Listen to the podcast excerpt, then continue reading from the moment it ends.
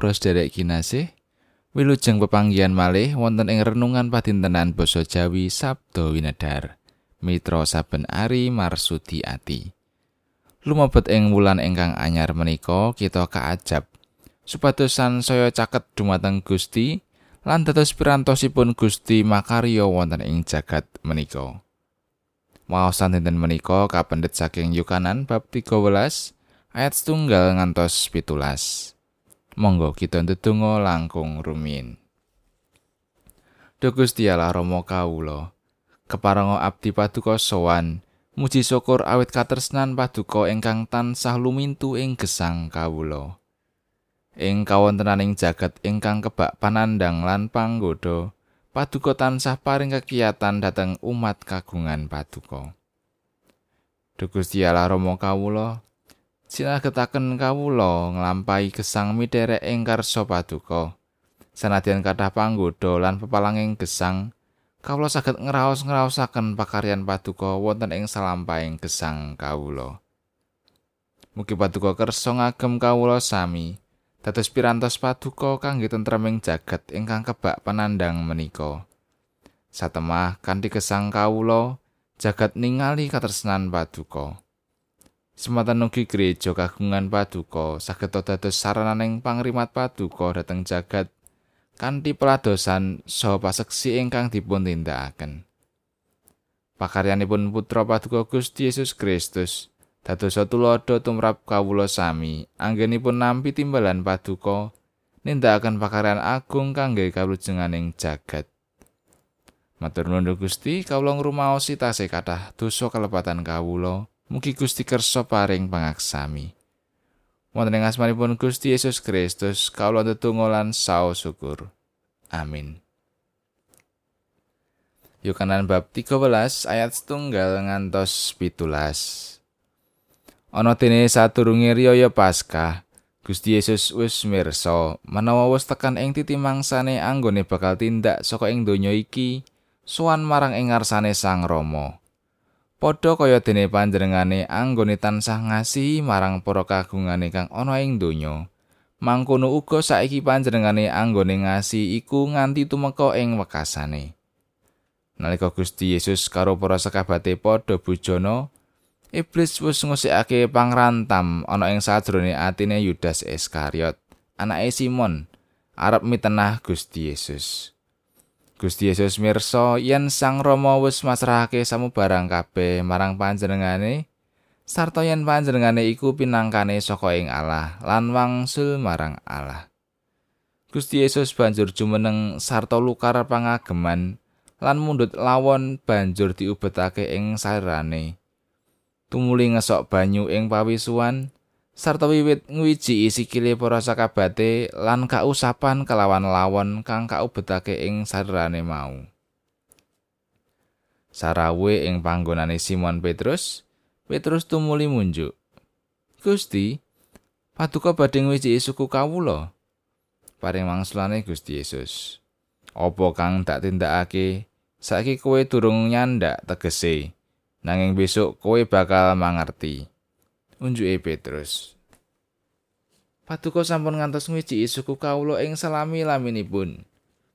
Gusti Yesus mangsuli pangandikane.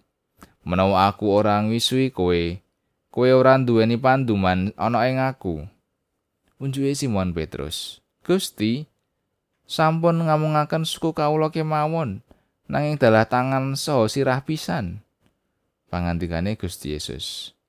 Wong kang wis adus ora susah adus maneh. Cukup mung wisuh sikil wae.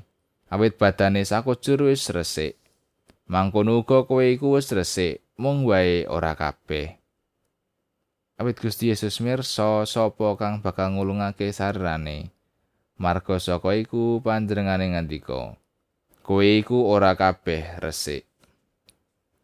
Sawise Gusti Yesus ngwiji sikile para sakabat mau, banjur ngrasuk pengagemane maneh lan wangsul lenggah sarta ngandika. Apa kowe padha ngerti tegese panggaweku marang kowe iku mau? Kowe padha nyebut aku guru lan Gusti. Lan panyebutmu iku wis bener, awit aku iki pancen guru lan Gusti.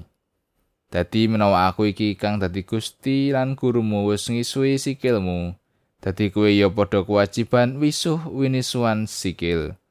Awit aku wis menehi tulodo marang kowe, supaya kowe kabeh uga nindakake kaya kang wis tak tindakake marang kowe. Sa teman-temene pituturku marang kowe. Sawijining abdi ku ora ngungkuli bendarane, utawa sawijining utusan iya ora ngungkuli kang ngutus. menawa kowe padha sumurup prakara iki kabeh rahayu kowe menawa kowe kabeh padha nglakoni makatan pangandikanipun Gusti ayat nat saking ayat gangsal tumuli ngesok banyu ing pawisuan sarta wiwit ngwijiki sikile para sakabate lan kausapan kalawan lawon kang kaubetake ing sarane mau Wiji sampean menika perkawis ingkang limrah. Nalika semanten padatanipun tiyang ngagem sandal ingkang ngagem jepitan sikil. Dene margi ingkang kedah dipun ambah kapenuan dening wedi saha beduk. Usananipun sikilipun para murid badhe reget sanget. Menika sebabipun saderengipun mlebet griyanipun tiyang kacawisan gentong ageng ingkang isi toya. menawi ingkang gadah griya kalebet tiyang limrah, tiyang ingkang mertamu saged wijik piyambak. Ananging menawi ingkang gadah griya kalebet tiyang ingkang gadah bondo kathah, tansah nyawisaken setunggaling abdi ingkang badhe wijiki sampeyanipun para tamu. Batur menika kalebet golonganing tiyang ingkang asor piyambak nalika semanten. Kepara langkung asor menawi kabandingaken kalian kewan ingah-ingahan. Mboten wonten setunggaling tiyang ingkang purun dipun sameaken kalian setunggaling batur. Ingkang langkung nengsemaken inggih menika panindakipun Gusti Yesus sasampunipun mlebet griya. Kepara ing salebetipun kembul dahar sesarengan. Dados panindakipun Gusti Yesus menika mboten kangge ngresiki, ananging mujudaken panindak minangka pralambanging peladosan. lumantar tumindak menika Gusti Yesus mber kita dados abdinipun Gusti. Kita tinimbalan dados abdinipun Gusti sanes abdinipun manungsa. Abdinipun manungsa dadosaken kita batur. Kamangka Gusti Allah maringi pangluaran ngantos kita sami martika. Kamardikan peparingipun Gusti menika kedah kita tanggapi kanthi sumadyo dados abdinipun Gusti Allah. Dene kewajibanipun abdi mekaten nindakaken menapa ingkang dados tanggal jawabipun. Timbalan abdi temtu badhe mingahaken manah amargi kita dados abdinipun Gusti Allah. Anggen kita milih dados abdinipun Gusti badhe bekto kita dhateng kabingahan sejati. Amin.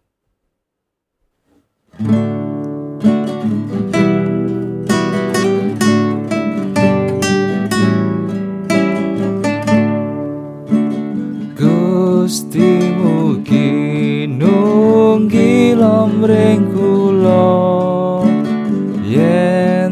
to kesaput petenge ratri. Namung patuko kang mitulungi sumangga Gusti nunggil mring kula